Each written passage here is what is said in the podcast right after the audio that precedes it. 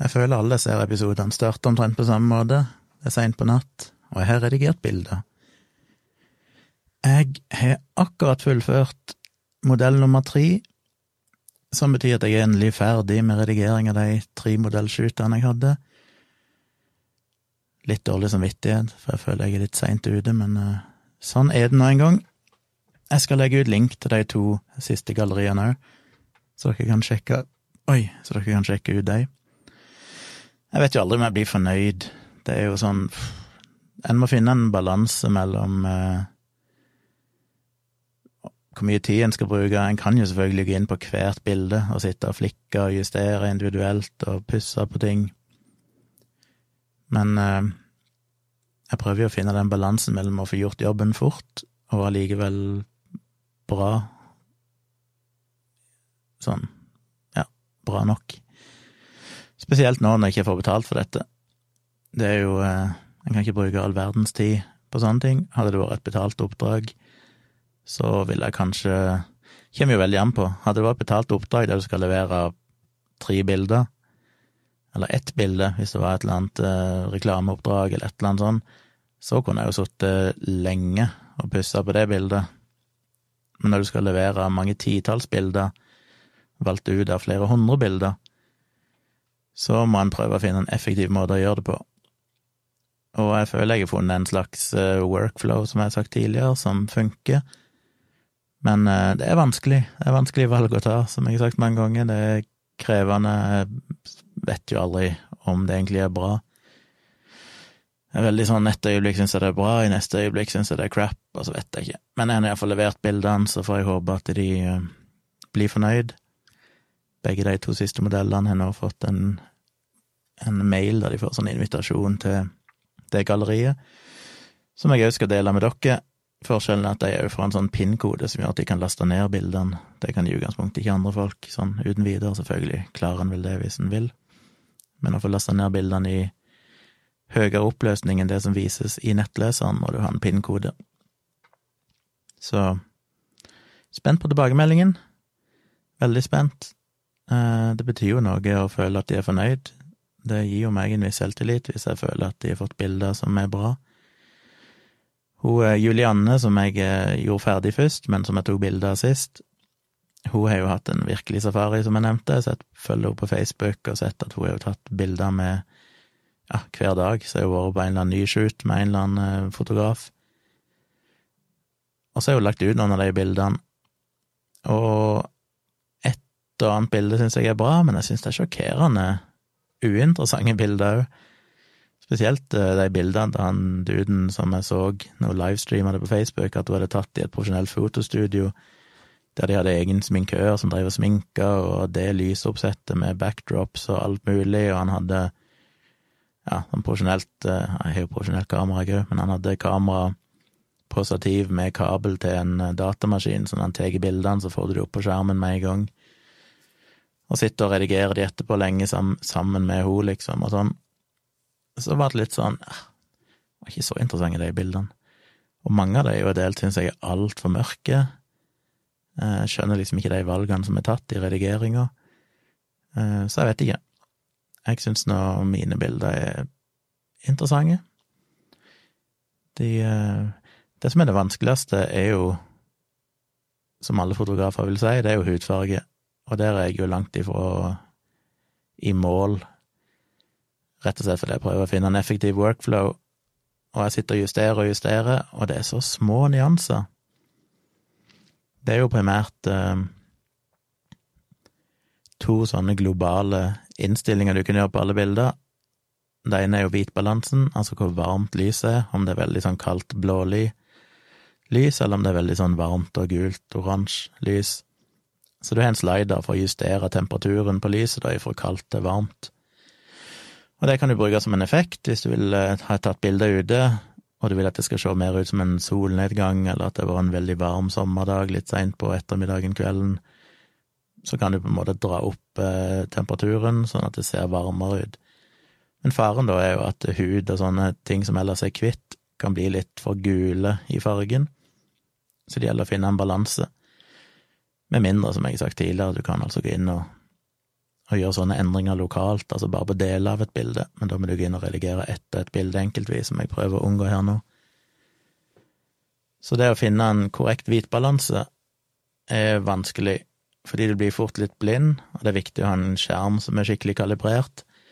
Jeg har jo en sånn dings, en datacaller Spider X, som han heter, som er en eh, knyttenevestor uh, liten gadget med en ledning på som er koblet i USB på datamaskinen, som du henger over skjermen. Du starter opp et program på datamaskinen, og så sier han 'heng denne devicen her', så den har en sånn sensor på baksida som du setter inntil skjermen. Og så kjører han gjennom en hel del sånn farger og forskjellige ting, og kalibrerer, lager en ny fargeprofil til skjermen, da, som endrer fargene litt, sånn at de skal bli mest mulig nøytrale og korrekte. Og det er vel sagt før, kanskje men en iMac eller Mac-produkter, Apple-produkter, er jo veldig bra kalibrert i utgangspunktet. Ikke perfekt, ikke sånn som de der virkelig dyre skjermene du kan kjøpe, som er laga for folk som jobber med bilder, som er enda bedre kalibrert, men til å være på en måte en vanlig consumer device, så er de veldig bra kalibrerte. Så du kommer ikke så veldig galt ut i utgangspunktet. Men jeg merker jo det når jeg kalibrerer skjermen, som jeg må gjøre Jeg har satt en sånn reminder i appen da, som sier at jeg må huske å gjøre det en gang i måneden. Eh, så blir det en liten Du ser litt sånn forandring i fargene. Um, så det er jo viktig. Og det andre du kan justere, det er en sånn nyanse fra grønn til magenta, eller sånn lilla farge, som er jo et sånt skjær som kommer inn i bildene dine når du tar bilder med digitale kamera. Så av og til kan noen bilder ha et sånt slags grønn skjær i seg, og da kan du dra slideren litt mer mot uh, magenta for å Jeg vet ikke om det er magenta, iallfall sånn lilla farge, for å dra ut litt av det grønnskjæret, men drar du det for langt, så blir det mer sånn rosa i fargen, da blir huden litt sånn rosa. Så begge de sliderne der eh, må du justere. Du kan jo bruke sånn autokalibrering, at du bare sier 'finn hvitbalansen automatisk for meg', og så må du da få en sånn eyedropper-tool, som du må finne et eller annet nøytralt sted i bildet, gjerne hvitt eller lysegrått, og, og på en måte peke på det og klikke, og så vil han ut ifra det automatisk justere hvitbalansen, som ofte funker. Men ofte gjør det heller ikke det, for det lyset kan være forskjellig på forskjellige deler av bildet. Eh, så det jeg ofte gjør, er at jeg bruker den eyedropperen i det hvite i øyet, zoomer inn på ansiktet, og så klikker det på, på hvitøyet. For det der vil du ha et ganske representativt lys for det som vil være i ansiktet ellers. Eller du kan gjøre det på tennene, hvis de er tennene synlige, for de er jo hvite. Men det er ikke alltid det funker.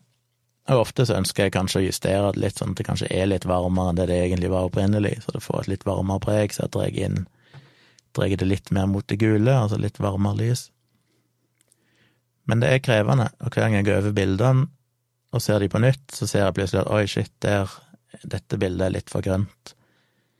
Eh, og så justerer det sånn at det blir bra, men så kan du komme tilbake en time seinere, og så ser du plutselig med ferske øyne at oi, her er det jo litt for rosa, eller så det er vanskelig å bli enig om å få liksom den korrekte fargen.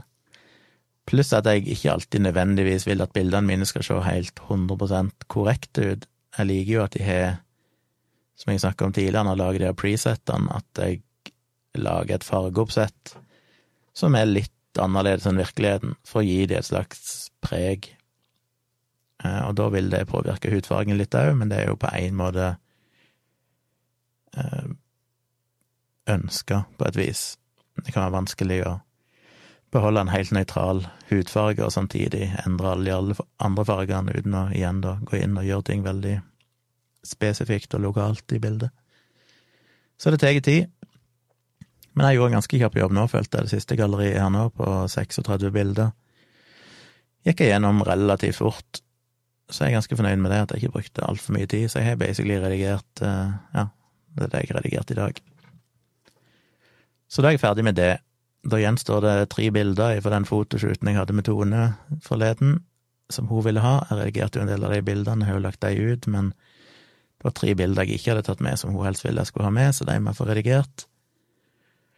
Og så eh, må jeg begynne å se litt på de siste bildene jeg tok nå på søndag, og velge ut de som er brukbare der, og sende de til henne, så hun kan se på de. Så det er nok å gjøre. Ellers så har jo meg og Tone sett på eh, Sett resten av Estonia-dokumentaren, som var bra, for så vidt. Um, jeg føler jo at de har et poeng. Jeg vet ikke om jeg skal spoile noe, det er vel skrevet såpass mye om det i media og sånn at det er ikke så mye å spoile, men, men de har jo gjort funn som tyder på at uh, Som gjør at en må stille spørsmål med hva det egentlig gjorde at Estonia sank uten at de har funnet noe svar. Men uh, mer interessant enn hva de egentlig fant, det er vel egentlig bare den der gjennomgående uviljen ifra spesielt svenske myndigheter til å egentlig grave mer i det, som er litt sånn Ja, en stiller jo spørsmål. Det som var morsomt, var at jeg ble jo tipsa om den dokumentaren, men jeg kobla det ikke helt den gang. Tilbake i mars så fikk jeg jo en melding på eh, Facebook, var det vel, eller Dialogisk fikk en melding i innboksen sin fra han Fridtjof Jacobsen, som jo er produsenten for serien. Han jobber jo i VG før, og jobber nå som politisk, politisk redaktør i Dagens Næringsliv, eller noe sånt. Eh, han sendte dere jo en melding og bare sa hei, han hadde sett at vi snakker om eh, Estonia i en tidligere podkastepisode. Vet ikke om det betyr at han hører på podkasten, det hadde vært kult hvis han gjorde det, eller om det bare betyr at noen som hører på det, har tipsa han, det er kanskje mer sannsynlig siden han skrev 'Jeg ser at dere eh, snakker om det'. Kanskje han leste det ut av tekstbeskrivelsen. Det er litt rart, for jeg tviler på om jeg skrev Estonia i beskrivelsen til episoden. Den handler jo om Scandinavian Star. Estonia blir jo bare trukket inn som en bi, i en bisetning, tror jeg, men jeg vet ikke. Han har derfor fått med seg det og sendt dere en melding og skrev litt om det tilbake i mars, at han drev og jobba sammen med en bra gjeng, om å lage den dokumentaren, og skrev litt om, om hva han følte der og da, om saken. Og da husker jeg, eller da måtte jeg grave fram inn den meldingen nå, og så leser jeg at jeg svarte jo oi, det var kult, så den skal vi sjekke ut, og så skrev jeg jo kanskje han hadde lyst til å være gjest når den dokumentaren kom på TV, og så svarte han bare med en sånn tommel opp-emoji. Eh, det hadde jeg helt glemt vekk, men nå kom jeg jo på at shit, vi må jo spørre han om å være gjest i Dialogisk. Så jeg sa det til Dag, og han er vel med på det, men han har ikke sett dokumentaren ennå. Så jeg bare får han til å se Estonia-dokumentaren, og så så må vi se om jeg kan få med Fridtjof Jacobsen som gjest og snakke litt om den. Det er jo litt kult, siden han er produsenten av serien. Så jeg har òg veldig lyst til å få med Nå slapp vi jo episoden med Thomas Seltzer nå på tirsdag, eh, live fra Trondheim. Veldig lyst til å få med meg han òg en gang til i studio, så vi kan få en litt mer skikkelig samtale. For når vi var i Trondheim, så kunne vi ikke snakke så mye om USA. Fordi han skulle på en måte headline i i den festivalen, med å ha et innslag der han diskuterte med var det Snorre Valen, eller noe sånt, om nettopp Trump og USA, så han kunne på en måte ikke brenne det materialet eh, i podkasten vår. Men nå er jo det historie, og så kommer jo denne nye serien han har vært med på å lage, der han reiser til USA og snakker med folk som stemte på Trump og sånn i valget sist, eh, som så veldig, veldig interessant ut. Jeg har sett traileren ligge ute tror ikke de begynte ennå, men jeg tror de begynner nå i oktober, hvis jeg ikke husker feil. Så det er vel rett rundt hjørnet. Og i den anledning så har jeg veldig lyst til å ha med han igjen i studio og snakke litt mer inngående om USA og Trump og valget og alt det som skjer, eh, knytta opp mot den dokumentarserien. Og så har jeg jo veldig lyst til å ha med Harald Klungtveit fra Filter nyheter igjen. Vi har hatt han som gjest for et par år siden, men uh, da snakket vi jo litt om uh, Trump og alt-right-bevegelsen og, og, litt sånne ting. I den tid var ikke jeg så inne i det. Jeg er ikke super inne i det nå heller, men nå vet jeg iallfall en del mer om det som foregår, og vi har jo snakka mye om Black Lives Matter og ting som skjer i USA i podkasten, så jeg har veldig lyst til å ha han med på nytt. Spesielt med alt som skjer her i Norge òg, og alt om cancel culture, og alle de tingene der. Jeg tror han er, han er jo veldig, veldig inne i de tingene. Veldig dyktig fyr. Så jeg må prøve, vi har prøvd å få han med to ganger tidligere. En gang i den episoden vi hadde den første livestreamen vi hadde etter pandemien skjedde her i Norge. Så hadde vi jo med fire gjester. Asbjørn Dyrendal og Lindis Hurum og Wasim Sahid og Var det ikke fire? Jeg føler det var en til, men jeg kommer ikke på hvem det var. Eh, da prøvde vi å få med han, men han skulle egentlig være med, men rett før så sa han at det var ting som skjedde på jobb, så han hadde nødt til å prioritere det. Eh, så prøvde jeg å få han med her forleden dag òg, i et eller annet annet sammenheng, men da kunne han heller ikke, han hadde ikke tid. Han er en travel mann, men jeg vil lyst til å få han med igjen en gang før valget. Som jo begynner å bli dårlig tid nå. Så skal vi jo òg den eh, I slutten av oktober så får vi jo møte de to forfatterne av denne ungdomsboka som er kommet ut, som jeg aldri husker navnet på, men jeg har fått den i posten og må lese den. Men det er iallfall Kirsten Holtmoen Reserland, og så er det hun eh, som ikke kommer på navnet, det er Almås etter navnet, gjør ikke det? En av de tre legene i uh, Hva feiler det deg?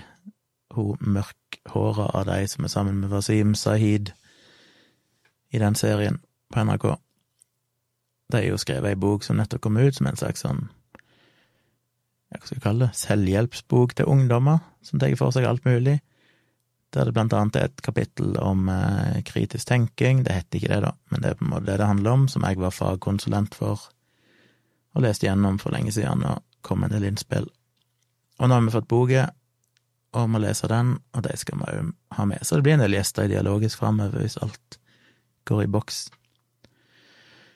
Uh, ja, jeg hadde jo en rant om eh, stress i går. Jeg fikk jo svaret fra Bjørn, som uh, jeg tror syntes det var ok med, med, det svaret jeg ga, så det var jo hyggelig. Jeg, eh, når jeg snakket om denne datahavarikatastrofeuka, så kom jeg på andre ting som er Det er liksom ting som har skjedd som har vært skikkelig dritt, um, knytta til det å drive eget firma. Jeg husker jo når vi starta firmaet i 1999, så starta meg en kompis firma i Sirdal, der jeg eh, vokste opp, og der jeg bodde på det tidspunktet, og der firmaet fortsatt formelt seg til hovedkontor, selv om ingen jobber der. Så fikk vi jo en del støtte fra kommunen, for det er jo en ganske rik kommune, en av Norges rikeste kommuner, en kraftkommune med Sira Kvina kraftverk og sånn. Og vi fikk en del sånn etableringstilskudd som de var flinke til å gi til nyetablerte bedrifter for å stimulere næringslivet. Og vi skjønte jo ingenting av business, meg og han kompisen min, så vi dreiv jo de første par årene basically bare som en hobby, for vi følte vi hadde uendelig med penger. Det var jo ikke så mye penger, men i den tid føltes det så mye penger vi hadde fått. Vi hadde liksom penger til å kjøpe inn datautstyr og servere, og, og kommunen dekka ganske mye av det som et sånn tilskudd til etablering. Så vi skjønte jo aldri helt det at vi faktisk måtte tjene penger, for det føltes som at pengene var der jo. Vi tok jo ikke ut noe lønn i den tida. Jeg fant jo igjen en sånn Vi var rydda i arkivet her for et par-tre år siden. Uh, for det er alle sånn regnskapspapirer som er eldre enn ti år Nå lurer jeg om de reduserte til fem år nå. Men iallfall, vi kasta alt som var eldre enn ti år gammelt ifra arkivet, for det tok opp hylle på hylle med permer med regnskapspapirer sånn som du ikke lenger er pålagt å beholde etter ti år. Og da var det jo veldig nostalgisk å begynne å grave gjennom og se sånne papirer fra når vi starta opp. Jeg fant blant annet en sånn årsoppgave jeg hadde fra et av de første årene, og da hadde jeg vel tatt ut 80 000 eller sånn i lønn det året. Og det gikk helt greit i den tida. Det er jo så billig å bo på Tonstad, og jeg hadde ikke noe studielån. Eller jeg hadde et studielån, men det var ikke så stort. Jeg hadde ikke noe annen gjeld. Eh, og ja, og firmaet dekka mobiltelefon og internett for meg. Så det var ikke så mye penger jeg trengte. Det ble ofte til at jeg tok ut sånn 5000 kroner en måned fordi du trengte litt penger. Eh, men det var liksom ikke noe fast lønn, det hadde vi ikke råd til, så det lå ikke inne i budsjettet vårt å betale ut lønn. Budsjettet var liksom bare å dekke de faste utgiftene. Men etter hvert så begynte vi å merke at eh, det var jo ikke så kult. Han kompisen min eh, ble sjuk og måtte trekke seg ut av firmaet, sånn at jeg endte opp som at jeg eide 100 av firmaet. Og så hadde vi jo fått til en veldig god avtale. Han jeg starta firmaet med, var jo mye, mye flinkere på data enn det jeg var. Og kunne alt det der med Linux og webposting og skjønte de her tingene. Jeg kunne jo ingenting i den tida. Og vi klarte jo, vi fant ut at vi ønsker jo å drive og selge webhotell og domener sånn, og drive med webposting. Og da måtte vi jo ha en fast internettaksess. Du kan ikke liksom bare ha ISDN-linjer, sånn som du gjorde i gamle dager.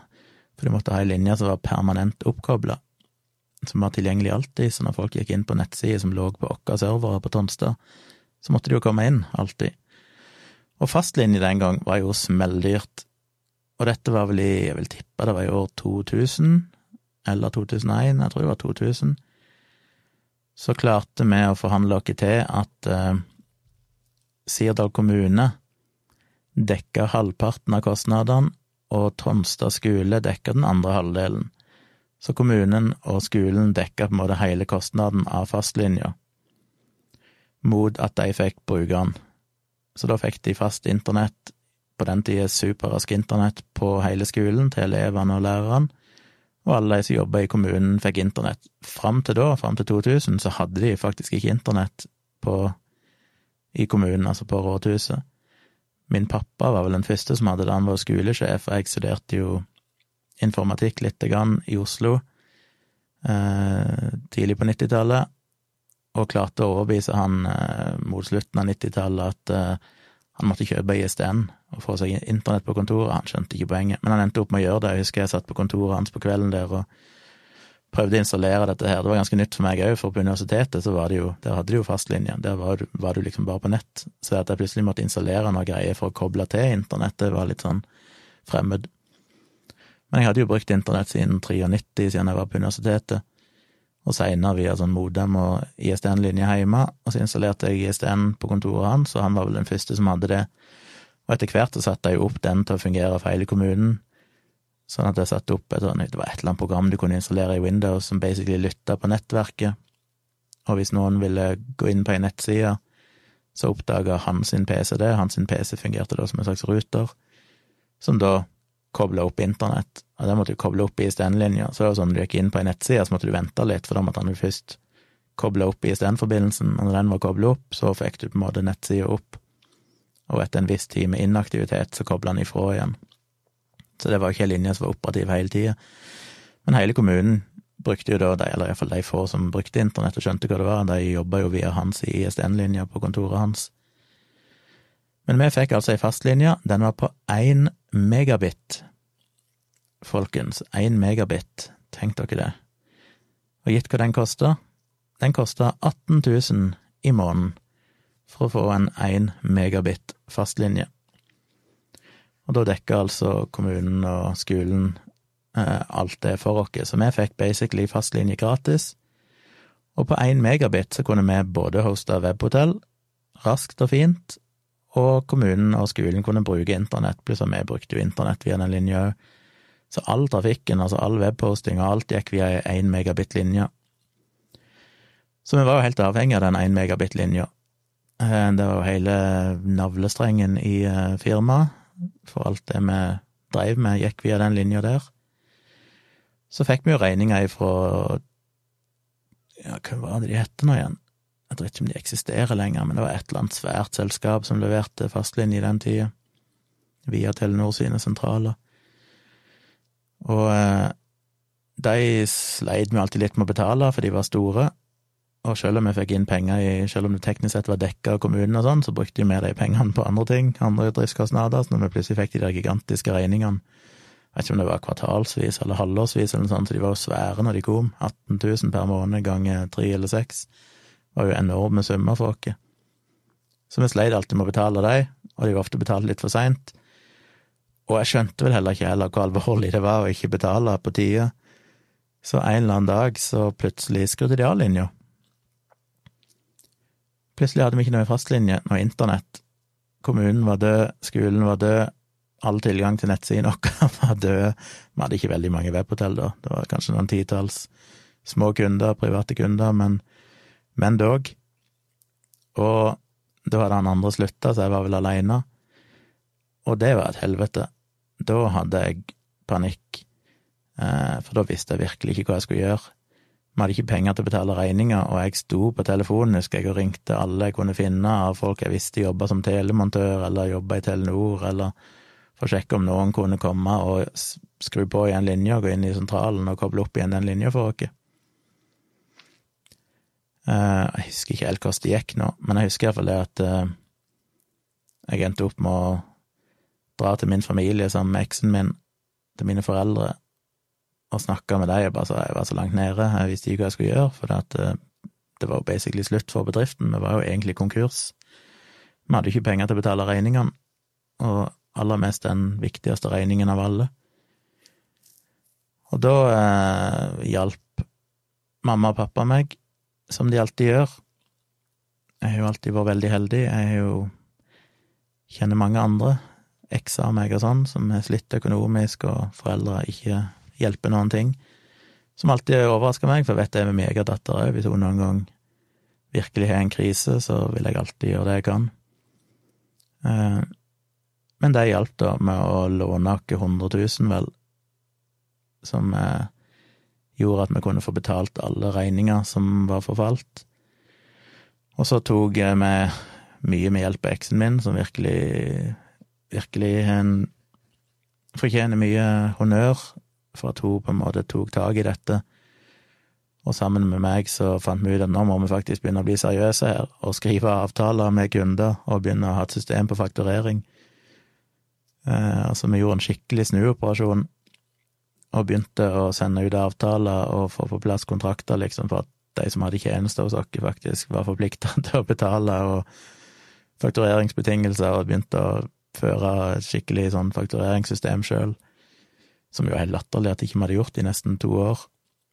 Men eh, sånn er det når du starter opp og bare tenker at det er jo gøy å drive med, dette er jo hobbyen min, eh, så skjønner du kanskje ikke at det er faktisk en business. Så da gikk det jo bedre, vi fikk gjenåpna linja igjen etter ca. et døgn eller noe sånt, så ting var jo nede i et døgns tid eller sånn. Men jeg tror jeg klarte å roe det vekk med noen hvite løgner til kommunen og sånn, og så er vi hadde tekniske problemer, og vi jobba med å løse det. Jeg tror aldri de fant ut hva som egentlig var årsaken. Men uh, det ordna seg til slutt, takket være hjelp av foreldrene mine. Det var jo egentlig et lån, og teknisk sett skulle de ha fått tilbake de pengene, men de sa vel det at det, var et lån på den betingelsen at hvis vi hadde råd til å betale tilbake en dag, så kunne vi gjøre det, men det var ikke viktig for dem. De var mest opptatt av å hjelpe meg. Så den jobben jeg har i dag, hadde jeg ikke hatt, hadde ikke de gått inn med det lånet i den tida og, og hjulpet meg, og de burde jo teknisk sett vært aksjonærer i firmaet.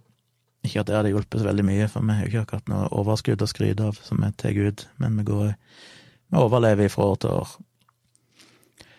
Um, så det var jo utrolig ja, det var en, et tungt døgn, men det var en viktig lærepenge, og etter det så skjerpa jeg meg skikkelig. Og så husker jeg at jeg fant ut jeg skulle teste ut sånne Google AdWords og legge ut sånne søkeord, så når folk søkte på webhotell, for eksempel, så fikk de opp en reklame for det vi drev med. Og vi hadde jo drevet på med webposting i et par år, da, iallfall i ett år pluss, pluss, og solgte kanskje sånn tre-fire webhotell i året. Det var liksom en og annen person som tilfeldigvis kjente dere, kanskje, som sa hei, jeg kan kjøpe et webhotell hos dere. Men så tenkte jeg skulle teste ut det, og plutselig, jeg kan ennå huske når det skjedde, jeg gikk en tur der jeg bodde da, det var, da var vi ute i 2003 cirka. Jeg var ute og gikk en tur, og så eh, husker jeg jeg så mobilen min og sjekka noe mail på en veldig primitiv mobil som jeg hadde i den tida og så plutselig det var kommet inn noen bestillinger. Tre stykk, tror jeg, på én dag. Så var det bare sånn hei, shit, tre bestillinger. Og sånn fortsatte det plutselig. Hver dag kom det bare inn flere og flere. Og da begynte vi jo faktisk å selge mye, og det snudde jo økonomien betydelig. Så på det meste hadde vi vel eh, to og et halvt tusen kunder eller sånn på webhotell til slutt, før jeg solgte hele sulamitten i 2008. Så det gikk jo bra etter det. Og vi hadde jo en del ansatte etter hvert. På det meste så var vi vel Nå husker jeg ikke, fem, seks, sju ansatte eller noe sånt på det meste. Som drev med lokal datasupport og webposting og webutvikling og mye forskjellige. Mye forskjellig. Så, så det var en viktig lærepenge. En annen viktig lærepenge var en server jeg hosta for et firma som begynte veldig smått. De skulle ha webside. Jeg lagde webside til dem Eh, det var et sånt firma som drev og kjøpte opp gamle sånne, jeg vet ikke hva du kaller dem, sånne båter med borerigg på, altså sånne båter som kan drille i havbunnen. Kjøpte opp sånne utdanka, posa de opp og leide de ut eller et eller annet, eller solgte de videre, eller et eller annet sånn. Og hadde en verdensomspennende virksomhet. En eller annen grunn, husker ikke hvorfor, så ville han åke til å lage websidene, jeg lagde webside til han. Greit. Han hadde bare et vanlig webhotell. En dag så ringte han meg, han sjefen der var 50-60 år gammel mann, og trengte noe mer greier, noe mer avanserte greier, så vi ble til slutt enige om at de skulle leie en server, altså ha serverhosting, at de leier en hel dedikert server hos oss som vi drifter for dem. Og hadde websidene på dem, pluss eh, en del som dokumenter og sånn. Så det satte jeg opp til han. Og det kosta noen tusen. Ikke veldig mye, men det kosta noen tusen i måneden, vel. og det gikk greit i starten, men så var det mye kluss med at de dreiv og hele tiden sånn, ja, vi måtte sende fakturaen Først var det til Bergen, og så var det til Oslo, og så skulle vi plutselig begynne å sende de til Kypros, for de hadde en avdeling der, og så skulle vi begynne å sende de til Singapore. Og det var liksom De betalte ikke regninger fordi vi hadde sendt de til feil plass, og så var det plutselig en ny plass vi skulle sende de, og på tross av at det var et firma som omsatte for milliarder, så klarte de ikke å betale de regningene som var på noen få tusenlapper i frokket. Det alltid, måtte alltid drive og purre og herje. Og på et tidspunkt så måtte jeg liksom begynne Og han var så ubehagelig, han sjefen, for han var sånn Når han skulle ha oppdateringer på nettsida, så kunne ikke han sende en mail eller et dokument og bare beskrive hva endringene var. Nei, han sendte det først, og så ringte han meg, og så satt han på telefonen hele tida mens jeg dreiv og oppdaterte nettsidene. Så jeg dreiv og endra tekst og gjorde endringer på innholdet, lagra det, og så sa jeg at nå kan du refreshe og sjekke, og så sjekka han endringen, og så kom han med feedback, så jeg måtte sitte med han på øret, ofte i timevis, mens han overvåka meg hele veien på alt jeg gjorde. Jeg husker jeg hata det når han ringte, jeg ble så stressa, for han var så brysk og autoritær at jeg syntes det var så ubehagelig å snakke med han. Men iallfall så kom det til et punkt, husker jeg, der jeg, eh, han ikke hadde betalt. Jeg hadde sendt purringer og sagt eh, Til slutt så ga jeg en advarsel at hvis ikke dere betaler innen den og den datoen, så må vi liksom skru av serveren. Det var på en måte siste trusselen vi hadde, det var at hvis ikke de betaler for tjenesten, så må vi stenge ned tjenesten. Og de betalte ikke, og jeg eh, stengte ned tjenesten, og så bare skrudde av serveren og gikk hjem på jobb. Ja, og et annet ting, bare før jeg går videre, det var jo at de hadde jo flytta hovedkontoret til Singapore, så hver gang de dreiv og ringte, og det var ofte sånne lokale Singapore-folk som ringte for et eller annet, og de kunne aldri engelsk. Ekstremt sånn, de kunne noen få ord og noe gebrokkent, og de ringte alltid når de var på jobb, som var når jeg lå og sov, så det var kanskje sånn to-tre om natta, så fikk jeg telefonen fra dem, og jeg måtte ta telefonen. Og hvis jeg ikke tok telefonen, så fikk jeg jo en reprimande fra han sjefen dagen etterpå. Så jeg turte ikke annet enn å ta telefonen, så ringte klokka tre på natta, og jeg gang på gang, jeg måtte opp og ta telefonen, og jeg prøvde å si til dem at dere har ingen 24 timers serviceavtale her i Norge. Hvis dere vil ha det, så kan dere bestille det. Det koster penger. Men hvis ikke, så må dere må ringe i norsk arbeidstid. Jeg kan ikke drive og ta telefonen klokka tre på natta. Men de skjerpa seg jo aldri, de bare fortsatte, og jeg husker jeg skjønte ikke hva de sa, og det var altså så mye kaos.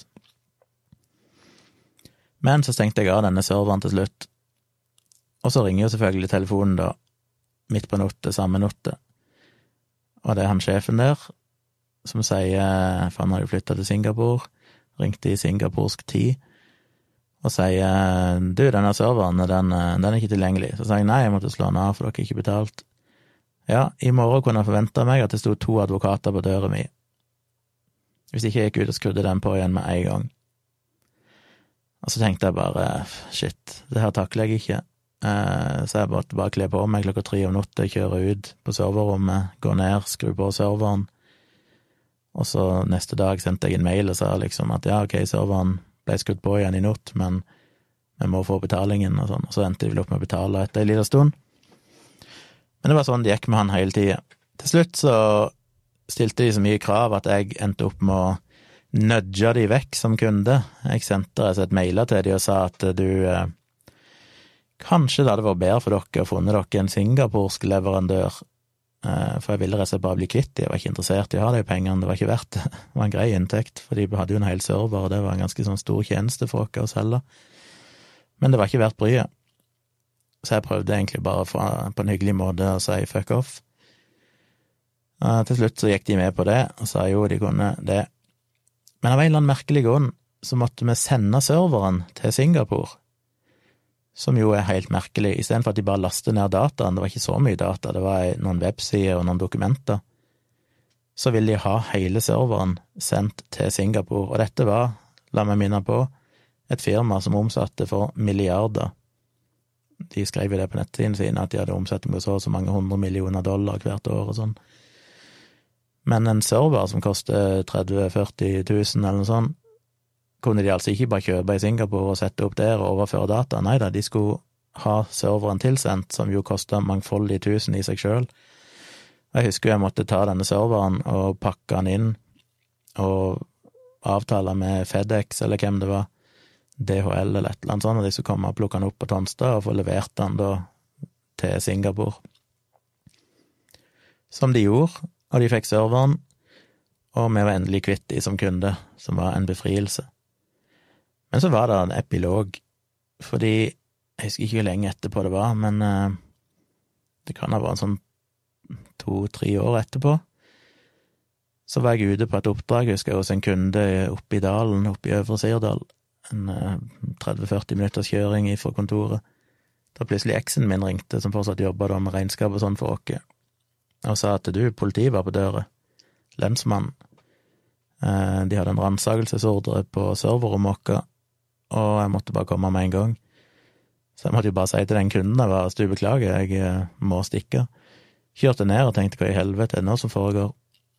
Og der sto lensmannen og sa det gjaldt en eh, kunde, altså navnet på kunden, og jeg tenkte ok, det var jo da denne kunden, plagsomme oljeboringsskipbedriften, som var etterforska for skattesvindel. Så det var lensmannen hadde med seg en eller annen IT-dude fra Skatt Vest som eh, skulle samle inn dokumentasjon. Og de hadde funnet ut at vi hadde hosta tjenester for dem, så de ville ned på serverrommet og ha tak på data. Vi hadde jo ikke det, for vi hadde jo sendt serveren til Singapore, og da begynte det å gå for meg hvorfor han kanskje ville ha serveren sendt til Singapore. Fordi han ville, var vel kanskje såpass snartenkt at han skjønte at det var kanskje best ikke var lå igjen av bevis. Eh, så vi leita litt for å se om vi hadde en gammel backup liggende eller noe sånt, men det skulle vi jo ikke ha. Når det ikke er kunde hos oss lenger, så skal jo de dataene være sletta, og vi hadde ikke noe backup.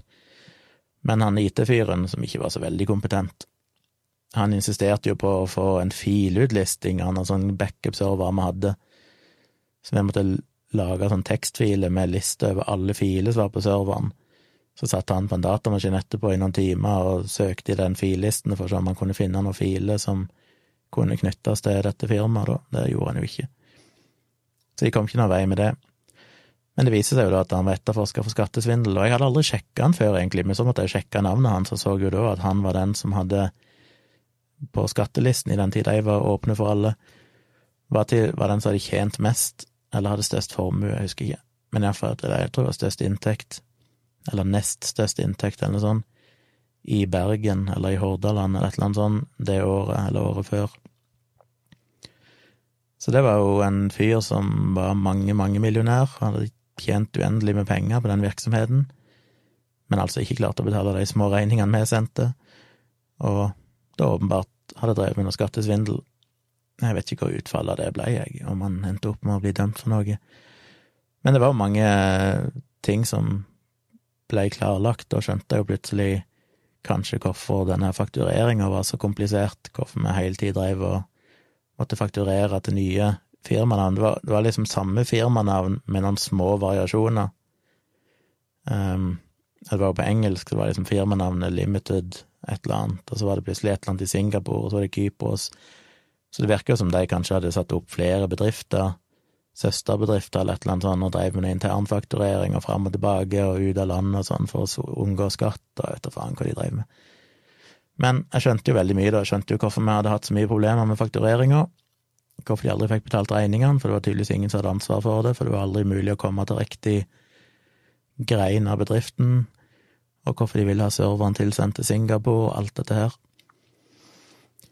Så det var jo en morsom historie når alt på en måte ble oppklart. Eh, vi var jo veldig strenge på det, at vi ville jo ikke gi ut de dataene, men de hadde jo en sånn ransakelsesordre som hadde ikke så mye valg der og da.